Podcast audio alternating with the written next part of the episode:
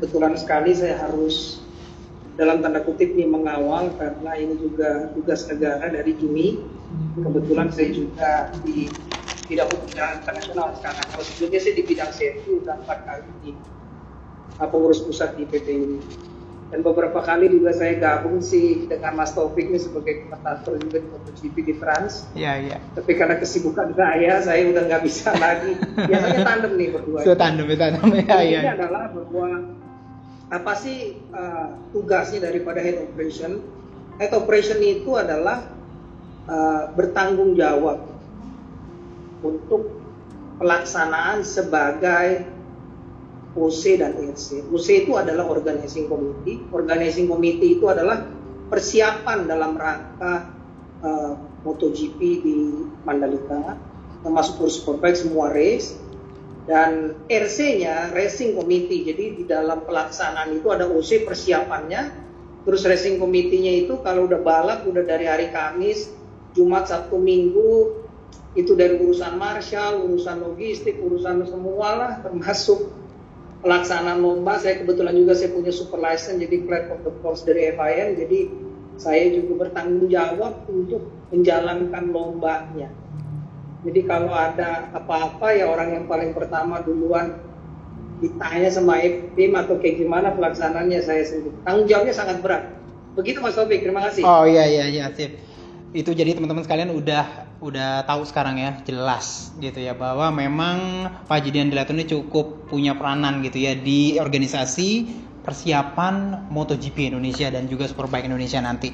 Nah, bicara mengenai sirkuit Mandalika, mungkin Pak Haji bisa berikan gambaran gitu ya mengenai posisinya sendiri. Kenapa ambil mungkin ya kenapa awalnya ambil di Lombok terus tempatnya posisinya kenapa di sana gitu loh bisa ceritakan mungkin uh, awalnya gitu gimana Pak Haji Ya, jadi yang paling pertama adalah orang sering tanya kenapa di Lombok, ya kan? Jadi yang pertama bahwa MotoGP ini adalah salah satu magnet untuk pariwisata atau the boost of tourism. Seperti kita ketahui bahwa kalau kita ngeliat di di MotoGP MotoGP mana pun itu di banner samping tuh ada yang visit Andalusia, ada visit Malaysia, ada visit bla bla bla. Tapi itu aja nggak cukup.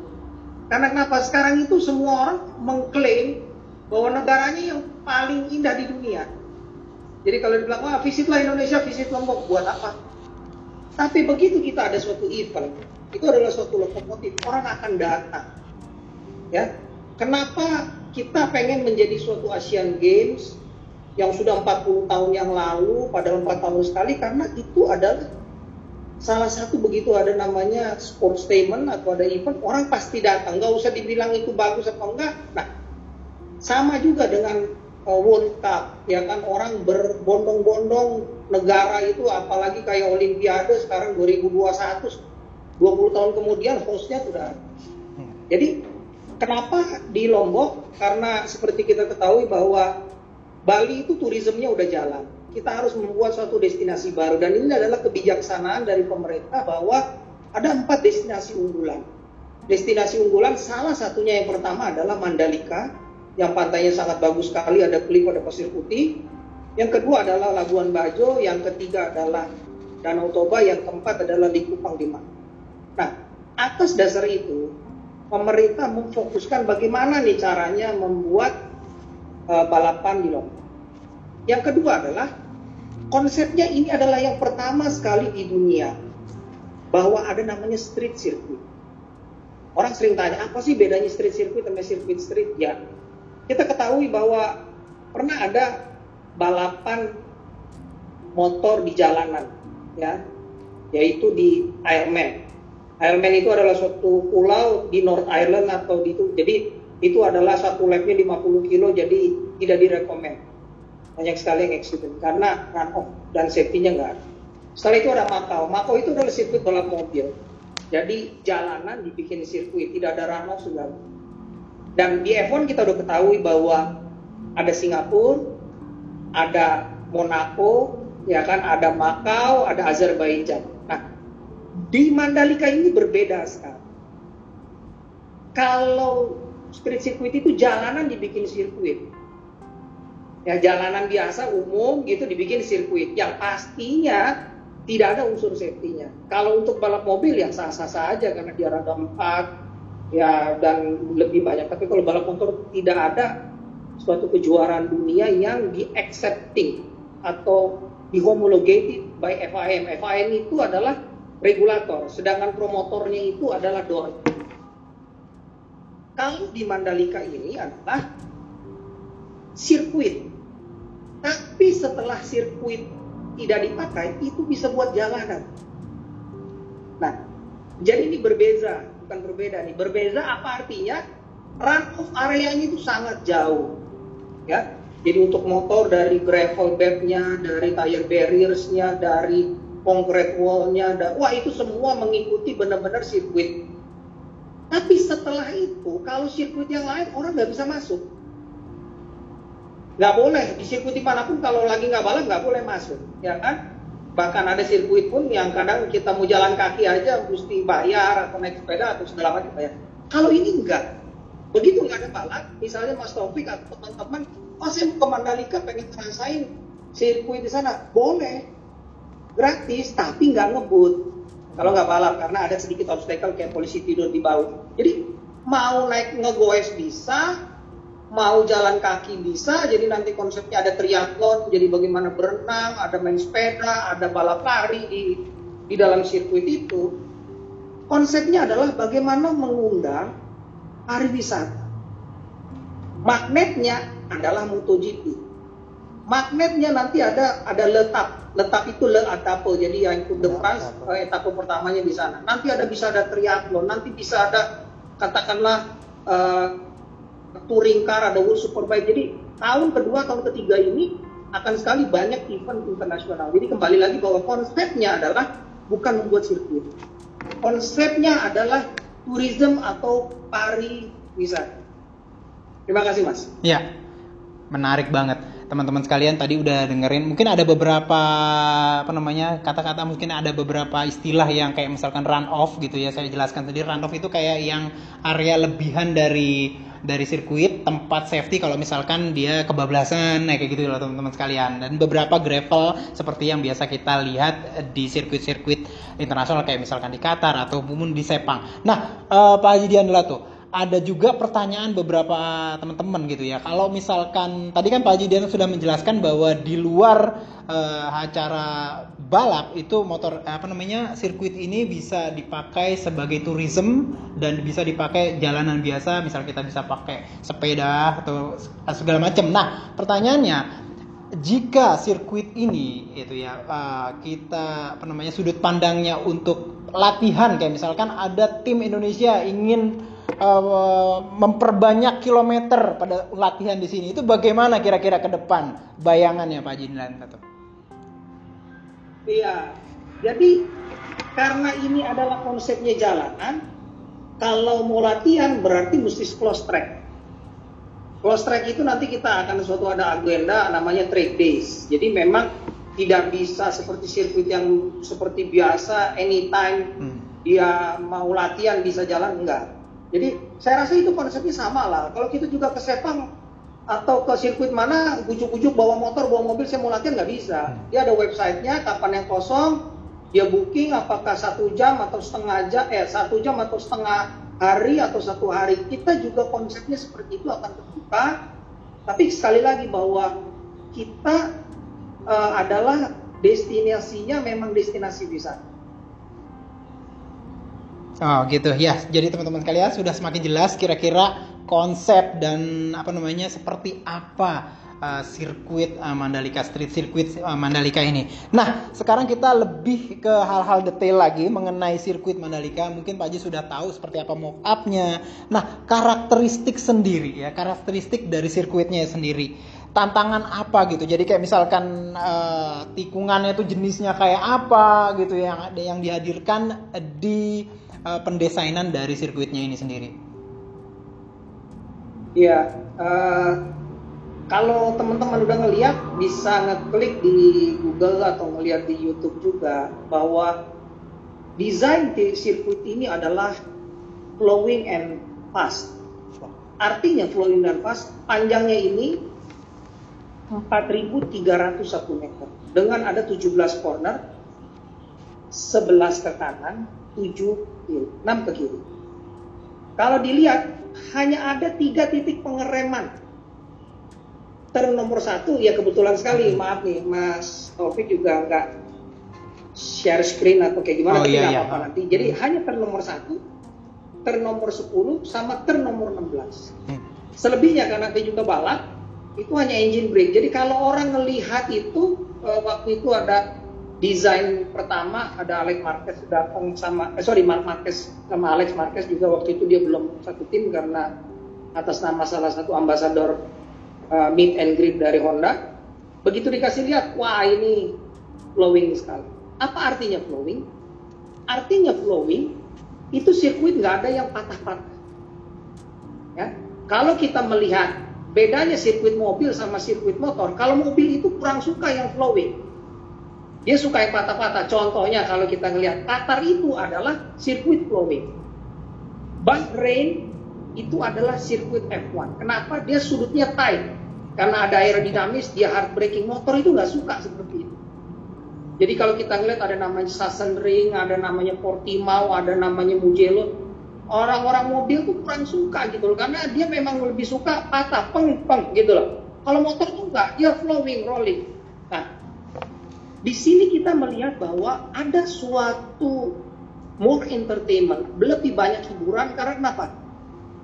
Masuk cornernya itu bisa tiga atau empat, apalagi Oh. Moto3 dan Moto apalagi ada Asia Talent di sana. Artinya tiga atau empat, satu corner itu bisa empat motor sekaligus. Lebarnya kita ini 16 meter. 16 meter. Run off areanya kiri kanan 12 meter. Jadi bercandanya satu hari itu kita bisa tiga kali balapan. Balapan di tengah, balapan samping kanan, balapan samping kiri gitu loh. Iya, iya. Jadi pertanyaannya Mas Prof itu ada bagusnya juga tuh kalau ditanya, wah kalau ada mau latihan ya mungkin bisa gitu. Kalau track Eh. tengahnya buat jalanan, track dalamnya rangkop areanya atau ser- service road itu bisa dibuat balap. Tapi pasti bukan untuk superbike atau Ah. ya kalau kelas-kelas bebek atau sport 150, 250 bisa. Jadi sekali lagi kesimpulannya, kita desain termasuk ya salah satu saya juga ada di sana bahwa sirkuit ini more entertainment. Ya the latest design the latest information the latest facilities. Artinya eh, perkembangan yang sangat mutakhir bagaimana tentang long lap bagaimana tentang more overtaking bagaimana flowing dan bagaimana pembalap itu bukan kalau kita ngelihat di Qatar ini katakanlah misalnya Ducati dia lebih entertain karena dia ada 950 meter straight jadi kita straightnya cuma 750 tapi di belakang-belakang itu flowing. Jadi mudah-mudahan teman-teman bisa dalam tanda kutip tercerahkan atau mendapatkan enlightenment bahwa ini adalah sirkuit yang termodern paling akhir dibuat. Desainnya itu yang pertama kali di dunia sirkuit street pertama kali di dunia pinggir pantai. Beda sekali dengan Phillip Island jadi kalau ada mau party ada DJ Tiesto itu sampingnya beachnya sangat bagus ada Bukit Meresi pinknya juga itu jadi komplit lah makanya Dorna itu satu-satunya sirkuit yang di dunia yang belum jadi tapi udah langsung dikasih kontrak pertama 5 tahun setelah itu langsung 10 tahun. Saya udah lama juga di FIM nggak ada tuh. Negara di dunia terakhir itu namanya Buriram. Tiga tahun itu Asia Road Racing Championship dulu dua tahun, tiga tahun. Ada World Superbike dua tahun, baru dikasih MotoGP. Nah, persoalan itu kita mesti jaga nih bagaimana. Jadi memang ini ada sedikit bocoran bahwa ada back to back. Jadi Qatar MotoGP 1, MotoGP 2. Setelah itu dia akan lihat ini jadi nggak nih sirkuit sekarang ini kan orang versinya ngelihat dari drone katanya katanya nah dia nggak mau dia nggak percaya why because seeing is believing begitu dia lihat dia percaya ini jadi apa Terima kasih mas Ya, sip. Jadi teman-teman sekalian juga udah dengerin bahwa ternyata uh, street circuit Mandalika ini memang didesain dengan konsep awal bahwa ini akan jadi mau apa namanya jadi sirkuit paling modern. Terus habis itu kalau yang saya bisa tangkap dari Pak Haji Diandra itu adalah dia tuh kayak yang menyimpan semua keinginan. Sebenarnya kalau pembalap motor tuh pengennya apa sih? Pengennya rolling speed, nggak mau nurunin RPM dengan apa namanya kayak terlalu turun ke bawah. Terus habis itu tidak stop and go.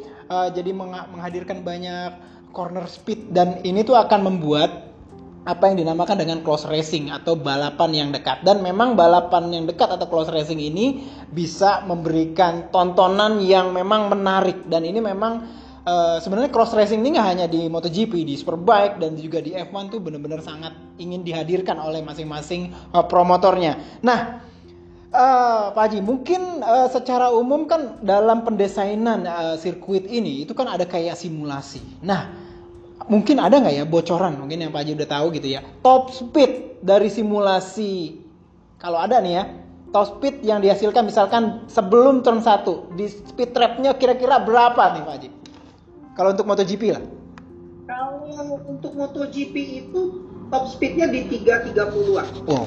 memang nggak sampai 350 atau 360 kan tapi di sirkuit mau turn 10 nya itu bisa masuk di 350 oh. karena tuh flowing kali ya.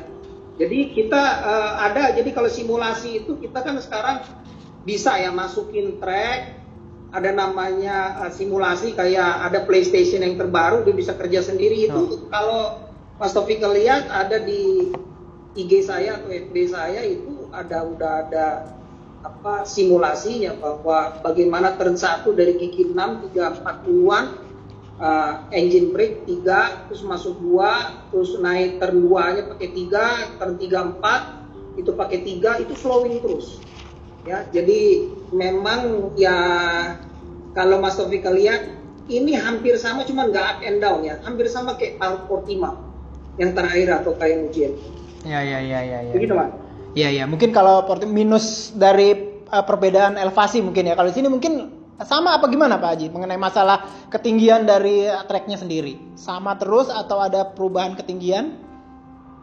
Uh, sama. Jadi memang sama.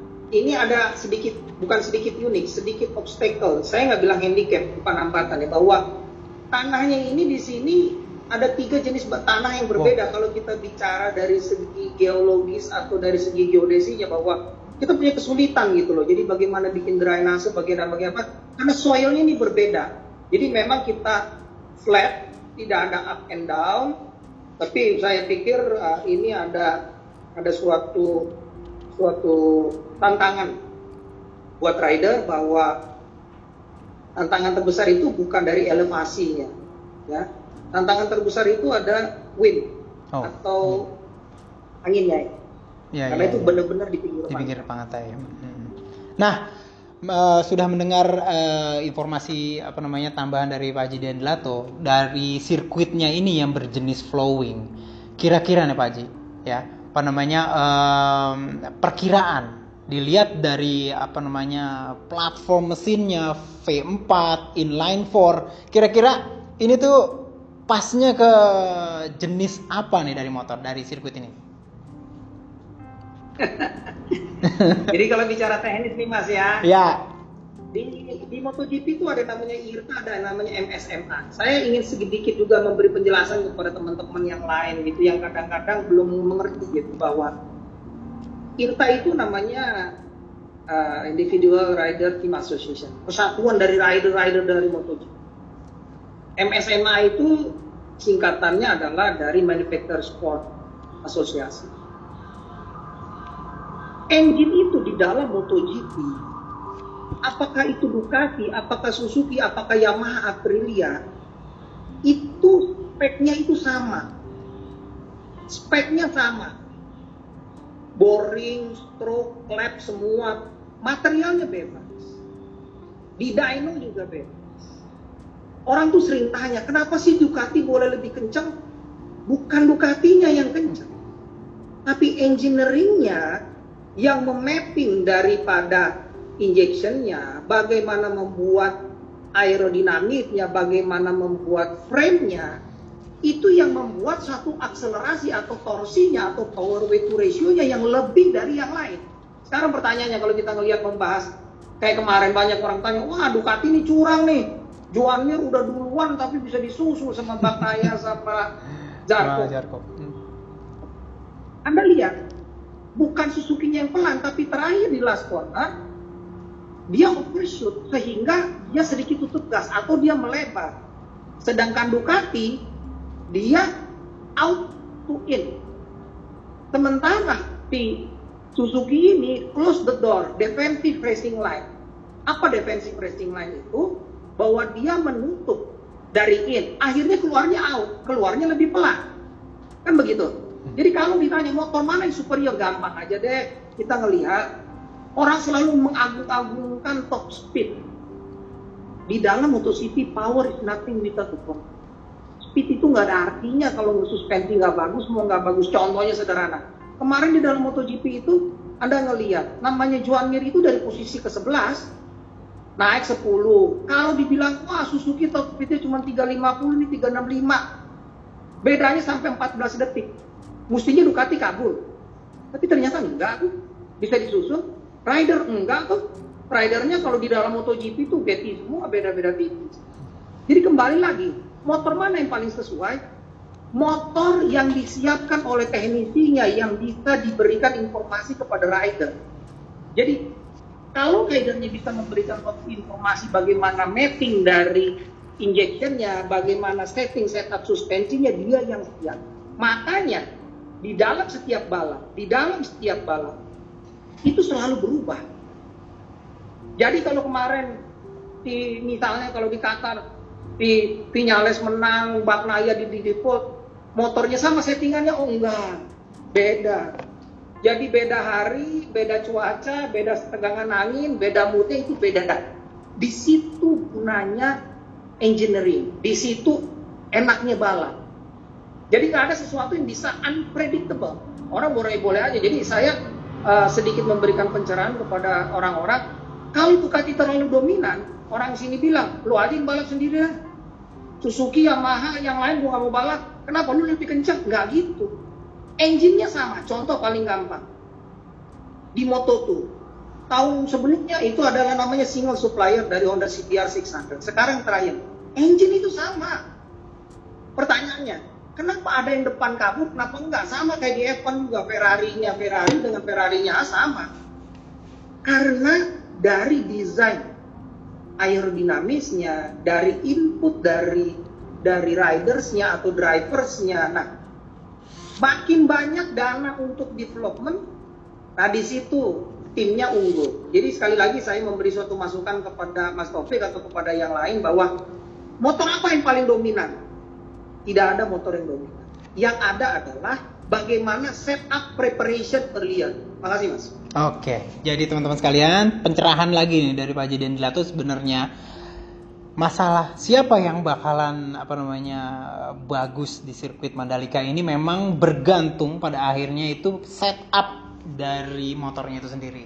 Baik itu inline 4 maupun V4 pada dasarnya memiliki potensi yang sama-sama besar untuk bisa sukses di sirkuit ini. Terima kasih Pak Jenderal itu apa namanya pencerahannya itu menarik banget gitu ya. Nah, Nah, banyak yang pengen banget nonton di sana. Fasilitasnya nih gimana Pak Haji? Kayak misalkan uh, kayak misalkan uh, mereka mau uh, touring dari dari Jawa gitu ya. Terus sampai sana kan pengennya mungkin agak sedikit apa namanya menyatu dengan alam. Apakah ada camping groundnya? Apakah siap apa namanya yang berdekatan dengan sirkuit itu kayak misalkan hotel-hotel. Nah, itu kayak gimana Pak Haji dan Iya, jadi kita memang uh, sekarang lagi tahap develop infrastructure, mendevelop ya. Jadi kalau ditanya bisa nggak ke sana? Oh sekarang udah bisa. Kalau langsung kalau sebelumnya harus dari Gilimanuk ke Bali, Bali sana enggak. Sekarang dari uh, Banyuwangi langsung ke Lombok sudah ada ASDP, ferinya, angkutan sungai dan perairan. Dari Surabaya juga, tapi memang tidak daily. Itu yang pertama. Jadi bagaimana connection untuk ke sana itu udah pasti bisa. Yang kedua, camping ground itu disediakan. Dekat trek ada, dekat sana ada, jadi itu nggak usah khawatir. Selanjutnya ada yang namanya uh, homestay. Homestay itu dengan uh, perumahan rakyat, bekerja sama dengan PUPR, diberikan suatu kredit, loan, itu juga ada. Jadi kalau kita kembali lagi, contoh paling sederhana adalah Buriram. Buriram itu kalau naik mobil dari Bangkok itu 6 jam. Nggak ada hotel hebat. Ya, dan pengunjung terbanyak spectators paling banyak di dunia itu adalah Buriram. Tembus 220 ribu. Pertanyaannya sederhana, 220 ribu di mana itu tinggal hotelnya nggak cukup. Tapi orang datang ke sana entusias. Nah itu dia. Jadi ada suatu homestay homestay dan itu kita sudah pikirkan. Kita bekerja sama dengan pemerintahan Lombok dan kita bekerja sama dengan PUPR. Intinya satu lah worry.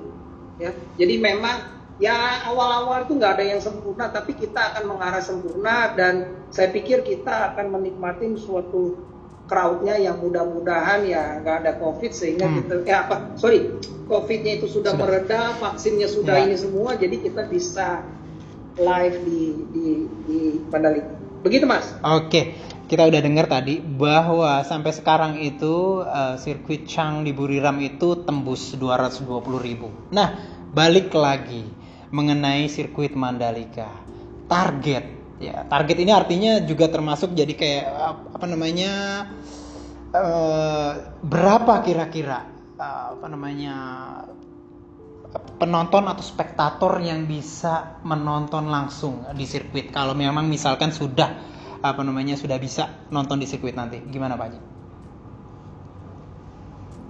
Uh, kita mentargetkan tidak muluk-muluk. Datanya yang paling mudah adalah kalau penonton di Sepang itu ada 110 atau 120 ribu, 70 persen ini orang Indonesia. Hmm, hmm, hmm. Ya, jadi targetnya itu di 80 ribu ke 90 ribu pada tahun pertama. Kalau dengan asumsi tidak ada uh, eh, PSBB atau PPKM atau apalah namanya ya kan. Jadi target kita tidak muluk-muluk 80 ribuan kita akan akan gapai dan kita penjualannya juga tiket online tidak pernah langsung dan itu nanti ada di grandstand grandstand yang kita sudah desain secara modular karena ini waktunya memang mepet sekali. Begitu Mas Oke. Oke. Nah, selain dari para wisata, kira-kira dampak positif apa yang bisa diperoleh jika Grand Prix Mandalika diselenggarakan? Oke, kembali lagi yang tadi saya ngomong. Ya. Kalau 100 ribu penonton yang sebelumnya, ini kita bicara makro ya, kita hmm. nggak hmm. usah pakai kalkulator-kalkulator. Orang pergi ke setan, tiga hari mas, dengan tiket, dengan hotel, dengan bolak-balik di Kuala Lumpur, satu hari 300 dolar habis dong, kalau tiga hari 1000 dolar dong mas, betul nggak mas? Ya, ya, ya. ya. Kalau 100 ribu ke lari 1000 mas, itu 100 juta US mas. Hmm Bener dong? Ya. Ini nggak usah pakai kalkulator nih. Aha, Kalau 100 juta US, 1 juta US itu 15 miliar. Kalau 100 juta itu namanya 1.500 miliar, satu setengah triliun. Itu devisa yang dicegah, tidak kabur ke sana. Satu. Yang kedua ada namanya UMKM atau souvenir. Kita kembali lagi mas souvenir kalau kita bikin kalau ngelihat jualan kaos rosi apa semua segala itu di di di Sepang itu penjualan itu di atas 100 ribu item eh 100 ribu. Jadi satu orang itu kagak ada. Misalnya sekarang saya mau ke Sepang beli oleh-oleh satu kaos nggak ada mas. Dua tiga ya kan ada temen lah ada keluarga ada pacar ada istri segala bla berapa? Jadi kita sudah hitung survei dari Deloitte, multiplier effect sangat-sangat luar biasa. Jadi kita sudah memberi suatu pandangan, contoh paling gampang. Orang bilang, wah kita mengadakan Asian Games triliunan, ini kita nggak pakai APBN loh, nggak pakai APBD loh. Kita betul-betul murni dari ITDC itu holding kita Indonesian Tourism ada suatu kerjasama atau kredit loans dengan Himbara bahwa mereka melihat mas potensinya. Jadi kita nggak punya uang karena dilihat potensinya bagus, ya itu kan orang bank-bank kan nggak usah ngajarin ikan berenang, dia tahu mas kalau dia kasih kredit jalan tol baru pulang 30 tahun, wah kayaknya MotoGP gokil, dia lima tahun aja udah bisa balik modal. Jadi akhirnya digelontorkan lah kredit. Jadi intinya adalah multiplier effect, brandingnya itu sangat luar biasa kalau langsung. Ditambah kalau dengan live TV, dengan Facebook subscribernya, dengan sekarang, wah itu itu youtuber-youtuber sekarang yang udah dalam tanda kutip ambil drone yang dia sebelumnya from zero to hero nggak tahu apa-apa, wah sekarang udah sangat luar biasa mas gara-gara project itu.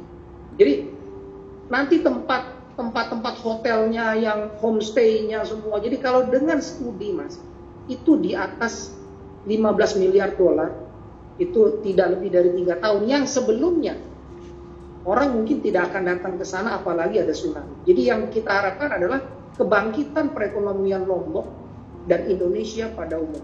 Begitu mas. Ya, jadi jawabannya memang jelas banget. Angka keekonomian itu memang luar biasa teman-teman sekalian. Pak itu sudah udah bocorin tadi ya angkanya memang luar biasa besar. Nah sekarang kita langsung masuk ke pertanyaan berat sekalian uh, di di kolom komentar. Ada pertanyaan dari Hernani 24 nih. Ya, pertanyaannya gini nih. Pak Jidandato, apakah Mandalika Sirkuit ke depannya bisa dihomologasi untuk Formula 1? Menarik nih Pak. Jadi gini, logikanya nih maaf ya, kalau udah lolos MotoGP, kalau lolos ke F1 bisa. Tapi lolos F1 belum tentu lolos MotoGP. Kenapa itu yang saya bilangin? Kalau F1 itu kan dari segi run off, dari segi apa, jadi sirkuit iya. jalanan aja bisa hmm. diomongin. Nah pertanyaannya orang sering nanya, kira-kira bisa nggak F1? Nah kita harus tahu nih, bayar F1 itu kalau bayar dona itu katakanlah 10, bayar F1 itu bisa 20. Hmm. Tapi masalahnya bukan itu, yang nonton banyak nggak F1? Hmm. Sepang aja dilepas itu F1-nya. Kenapa nggak nguntungin? Nggak nguntungin dari penjualan, nggak nguntungin dari follower. Nah, di negara kita ini kan negara yang penjualan motor terbesar di dunia. Satu tahun itu tahun 2020 uh, aja itu udah sebelum COVID angkanya di 6 juta setahun atau 500 ribu sebulan. Kalau dihitung mundur ada 60 juta orang yang jualan. Nah, itu Bercandanya begini mas, itu Gojek aja kalau ada MotoGP dia offline. Gua nonton aja dulu. Pertanyaannya kalau ada F1 emang dia nggak mau nonton nggak nonton? F1 itu apa gitu loh? Karena apa? Karena hari-hari dia nggak naik motor. Jadi itu alasannya kan ada orang tanya kenapa sih nggak F1? Kan begitu. Nah, jadi kita memang harus get real atau realize bahwa kita ini anak motor. Amor, anak ya, motor. Ya, Karena ya. kenapa penjualan motor terbesar di dunia di Indonesia? Artinya MotoGP itu dari dulu memang udah menginginkan Indonesia menjadi host setelah 9798 itu di uh, sirkuit Sentul. Kenapa? Itu saya bilang mas, follower sosial media MotoGP terbesar di Indonesia. Penjualan motor terbesar di Indonesia. Contoh sederhana, MotoGP nggak bakalan balap kalau penjualan motor Honda nggak terbesar di Indonesia. Ada one heart atau satu hati di Marquez. Ada Yamaha semakin di depan di tim Yamaha uh, racing. Ada ny nyalakan nyalimu dengan Suzuki. Artinya apa? Nggak ada duit penjualan terbesar dari Indonesia, yang habis itu dibawa ke Jepang, Jepang kirim ke Spanyol, nggak ada balap. Jadi potensi kalau ditanya bisa nggak tuh F1 datang? Bisa. Tapi dari segi uh, uh, uh, perekonomiannya, dari segi popularitasnya masih kalah dengan. Makasih mas. Iya, jadi teman-teman sekalian udah jelas tuh ya bahwa sebenarnya kalau udah MotoGP lolos dipastikan FIA homologation dan lolos. Cuma masalahnya adalah apakah masuk nilai keekonomiannya pada saat kita melakukan race uh, Formula 1 di Mandalika itu. Itu yang masih jadi pertanyaan. Nah, pertanyaan selanjutnya nih Pak Haji dari Venetia Olga. Wah, ini cukup menarik pertanyaannya. Mengenai seberapa besar peran warga sekitar Mandalika dalam gelaran MotoGP nanti. Apakah mungkin kayak misalkan marshallnya akan direkrut dari warga sekitarnya? Gitu Pak Haji. Wah luar biasa ini pertanyaan.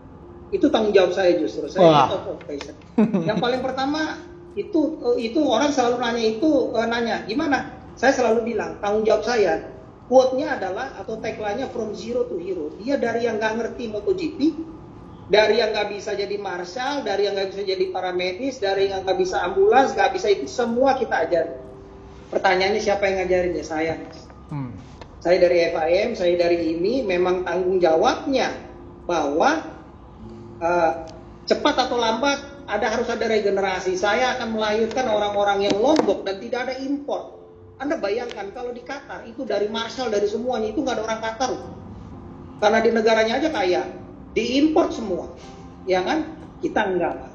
Satu kita memang belum punya uang, yang kedua kita pengen pemberdayaan sumber daya manusia lokal dan sumber daya lokal sendiri walaupun semuanya lombok kita utamakan dulu di tengah tuh lombok tengah bukan Mataram ya karena Mataram kan agak tapi intinya adalah bahwa ini adalah suatu kesempatan bahwa from zero to hero bagaimana meningkatkan kompetensi meningkatkan sumber daya manusia secara umumnya di Indonesia dan secara khususnya di Lombok.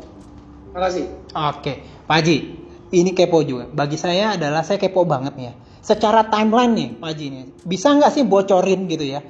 uh, proses homologasinya yang akan dilakukan oleh FIM mulai dari besok terus habis itu kapan lagi kapan lagi kapan lagi kalau misalkan memang boleh diceritain Pak Haji silakan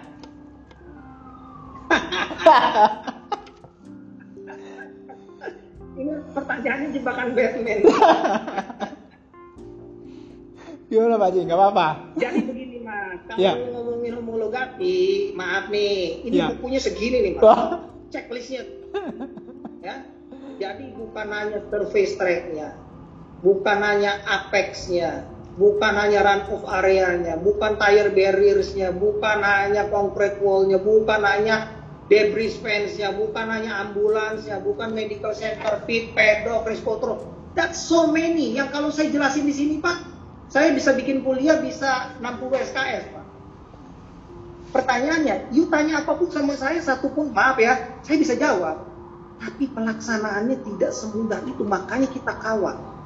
Jadi anda bisa bayangkan maaf nih kalau saya sebagainya di ini atau FAM saya ditugaskan jadi steward di sana saya datang udah sederhana aja saya checklist wah runoff-nya kurang ini begini begini nggak beres kasih raport rapotnya merah saya pulang kalau ini enggak mas nggak beres raport ya lu pikirin supaya gimana beres kan mampus kalau nggak beres jadi ini adalah pertaruhan, tapi saya yakin dengan niat baik, ketemu orang yang baik, hasilnya insya Allah baik. Gitu mas. Oke, okay. balik lagi pertanyaan Brad uh, Idemitsu dari Juni Art 27 underscore 27. Apakah selama ini ada masukan atau inputan atau misalkan kendala dari pihak Dona tentang sirkuitnya sendiri? Silahkan Pak Haji, mungkin bisa dijelaskan. Oke, jadi sementara ini adalah bahwa konsultannya itu dalam tanda kutip rekanannya itu adalah dari FAM juga. Saya juga ada di sana. Jadi kita selalu menjalin suatu komunikasi yang intens. Intinya ini investasi bukan 10 atau 100 miliar. Jadi untuk tracknya aja beda nih bukan sirkuit ya. Untuk tracknya aja udah 950 miliar hampir satu triliun. Pit pedok bla bla bla. Jadi semua ini kan mega structure. Bahwa saya dalam tanda kutip digandeng di sana bahwa bocorannya kalau nggak lolos ya saya orang yang ngerti tentang bagaimana homologasi hubungan dengan pit ya saya yang paling pertama digorok mas kan begitu kira-kira. Jadi kalau ditanya ini adalah pertaruhan. Tapi buat saya ini adalah now or never. Sekarang atau nggak sama sekali. Dan saya udah niat bahwa ini adalah suatu pertaruhan nama baik legacy warisan. Jadi kalau saya selalu ngomong kepada orang sebaik-baiknya manusia bermanfaat untuk umat. Jadi kalaupun saya udah nggak lagi di dunia orang saya cuma bilang ah ini gue kasih warisan. Gue mengawal dari nol bagaimana ini bisa lolos bagaimana bisa running dan kita asli putra da, putra Indonesia atau lagi putra daerah jadi sekali lagi nggak ada yang nggak mungkin selama kita kerja keras, kerja cerdas, kerja ikhlas, supaya kita minta mohon doa bahwa ini adalah kebanggaan. Ini berat. Jadi saya selalu mengkut ya kan, kalau saya selalu ngomong ya kalau orang pesimis nih bisa nggak? Ah, bisa, tapi susah mengeluh. Kalau saya nggak, ini susah, tapi harus bisa, harus bisa dan akan bisa. Mudah-mudahan insya Allah. Oh, Terima kasih mas. Oke, okay, ya menarik banget uh, jawaban dari Nah saya uh, kita semua sudah mulai masuk ke sesi terakhir ya beberapa menit terakhir uh, dari Live dari Indomitsu ini Road to, to MotoGP ada pertanyaan pamungkas nih ya, yang mungkin memang pasti udah banyak ditanyakan oleh semua orang. Uh, Superbike itu sudah confirm menuliskan tanggal 12 sampai 14 November akan race uh, di Mandalika Street Circuit. Nah, pertanyaannya adalah kira-kira gini Pak Haji, sudah berapa persen kira-kira ini ya? Berapa persen pembangunan dan sirkuit dan bagaimana persentase kemungkinan Indonesia menjadi tuan rumah MotoGP di Street Circuit Mandalika ini? Kalau pertanyaan yang pertama, kalau ditanya persentase mengenai struktur atau proyeknya, itu kita bisa bilang di atas 55 ke 60 persen. Pembangunan sirkuit uh, finishing itu tidak, menurut saya ya kan tidak terlalu uh, susah. Yang susah itu adalah struktur. Hmm. Jadi kalau kayak bangun rumah itu bagaimana fondasinya, bagaimana struktur awal. Jangan seperti contoh paling gampang itu ada namanya sirkuit Silverstone di Inggris. Itu udah duluan, strukturnya nggak bagus, ada hujan, banjir, akhirnya ditutup tahun depannya lagi di, di baru uangnya keluar banyak lah. Kita nggak gitu mas. Strukturnya kita benerin dulu dan karena kita belajar. Jadi bagaimana kemungkinannya uh, uh, MotoGP datang ke Indonesia dibandingkan Superbike MotoGP itu ada kelas tiga kelas. Ada Moto3, ada Moto2, ada MotoGP. Moto3 itu ada 33 rider, Moto2 33 rider, MotoGP ada 24 rider. Skillnya itu kalau mau sampai 10, requirement itu 9. Superbike itu kan yang datang cuma dua. Super Sport 300 nggak masuk. Karena kenapa? Masih pada bocah semua, mainnya cuma di Eropa. Hanya Super Sport 600, line up-nya nggak 33. Jadi kalau ditanya dari segi angka, requirement dari World Superbike itu 0 ke 10 mungkin 6, 6 ke 7. Nah, harusnya itu yang saya bilang, kita belajar dari Buriram, kalau Asia Racing Championship atau region aja kita udah bisa, kita melangkah lagi ke World Superbike. World Superbike udah bisa sama kayak Malaysia juga, MotoGP. Jadi kalau ada yang tanya, gimana kemungkinan MotoGP? Kita lagi jalan, kita lagi penjajakan terus kita terus bagaimana requirementnya atau pendekatannya kita kerja keras. Cuma kadang-kadang kan orang yang dari luar ah ini lu cemen lu kagak bisa masa cuma lu superbike diambil? Nah ini yang kadang-kadang nggak ngerti. Nggak ada di sirkuit di dunia. Ini saya kasih tahu mas ya. Tidak ada sirkuit di dunia yang belum ada kejuaraan Asia belum World Superbike udah dikasih MotoGP. Reserve date. Hanya di Buriram dan hanya dengan orang-orang yang bisa meyakinkan Salah satu cara meyakinkannya makanya kita undang nih. Mudah-mudahan jadi kita datang. Jadi kalau ditanya sekali lagi, kira-kira kemungkinannya gimana sih? Ya itu saya bilang, kita tetap jalan. Ya kan? Kita perencanaannya bagus, eksekusinya bagus, tapi kan yang menilai nanti orang. Ya. Jadi saya nggak berandai-andai, intinya adalah sekali lagi perencanaannya baik, pekerjaannya baik, ketemu dengan orang baik, manajemennya baik, insya Allah hasilnya. Makasih mas. Oke, jadi seperti itu teman-teman sekalian sudah jelas gitu ya. Yang penting bagi kita di Indonesia adalah kita tetap apa namanya support penuh bagaimana sirkuit uh, street sirkuit Mandalika ini akan terus bisa apa namanya progres ya sehingga bisa terus apa namanya uh, bisa menjawab semua pertanyaan-pertanyaan mengenai homologasinya. Dan setelah itu udah pasti kalau misalkan homologasinya sudah lolos maka MotoGP itu udah bukan impian lagi di Indonesia tahun ini. Gitu loh 2021 oke terima kasih banyak Pak Jidian Delato udah mau bergabung dan memberikan update-update terbaru uh, dengan kami di Roto MotoGP Idemitsu Indonesia. Jadi untuk teman-teman sekalian mungkin kita udah mulai siap-siap nih untuk jadi tuan rumah MotoGP di Mandalika. Mungkin mulai dari tahun ini mudah-mudahan didoain aja tunjukkan kepada dunia kalau Indonesia tuh mampu dan layak jadi tuan rumah yang baik. Itu aja. Untuk yang udah bergabung, jangan lupa langsung cek Instagram Idemisu untuk ikutin kuisnya sekarang. Pak Jidiandato, terima kasih banyak semuanya. Assalamualaikum warahmatullahi wabarakatuh dan sampai jumpa pekan depan kita akan uh, masuk ke guestnya juga yang lebih menarik lagi. Itu aja, saya Taufik dari Indonesia Indonesia menyatakan selamat tinggal. Makasih mas, makasih mas.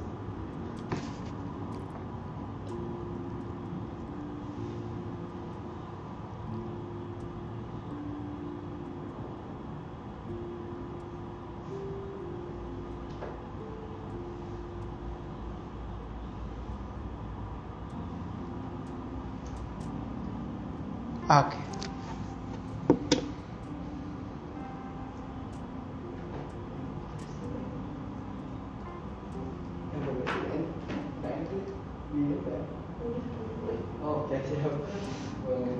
Oke.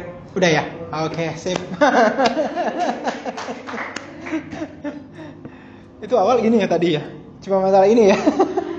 tadi kayaknya udah dimatiin sama Catherine ya? Eh, udah didupin deh sama Catherine. Terus kenapa mati lagi ya? Eh, yang bawah ada yang bawah jadi connect Oh, karena yang bawah mau nonton kan gue yang Oh gitu.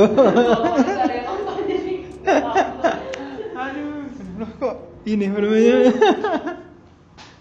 aduh. Jadi pertama-tama saya ngomong gak ada suaranya tadi ya? Iya, karena yang di bawah yang pertama masuk ada terus tiba-tiba ada suara cewek bingung kayak ini dia kenal suaranya ada di bawah Aduh, aduh, aduh, aduh, aduh. Ya, ya, ya, ya, ya. ya. Kalau Pak Jidan lihat emang kayak gitu kalau jelasin. Kita benar-benar mesti lihat, mesti lihat waktu nih. Panjang banget. dan teknis Hmm. Nah, yang besok ini nih yang saya bakalan tanya siap-siap banyak pertanyaan. Andi Gilang kalau jawab tuh pendek-pendek. Pret, pret, pret. Oh iya mas, gini gini. Nah, udah. Waduh, banyak lempar tangan mesti banyak itu. Rajin lo tuh banyak banget, udus. Panjang banget dia jelasin sampai ke mana-mana. yang satu panjang Iya, yang ini ntar besok nih siap-siap saya. Andi Gilang saya udah berapa kali kan apa namanya interview dia langsung kan. Itu yang langsung ketemu gitu ngomong dia saja kalau jawab pelan banget, cuman sebentar gitu jawaban red. Cuman dua baris gitu kalau diketik. Tet. Oh gitu. Jadi kita mesti banyak ini, mesti banyak mancing. Hmm. Ntar saya siapin juga deh pertanyaan-pertanyaannya. Gitu lumayan juga nih Pak Haji. Terus saya emang ada beberapa pertanyaan tadi ya. Nah, tapi ada beberapa pertanyaan yang saya skip karena dia udah jawab duluan.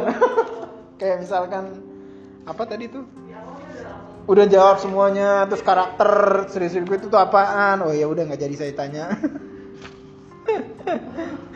Aduh. Aduh, sip.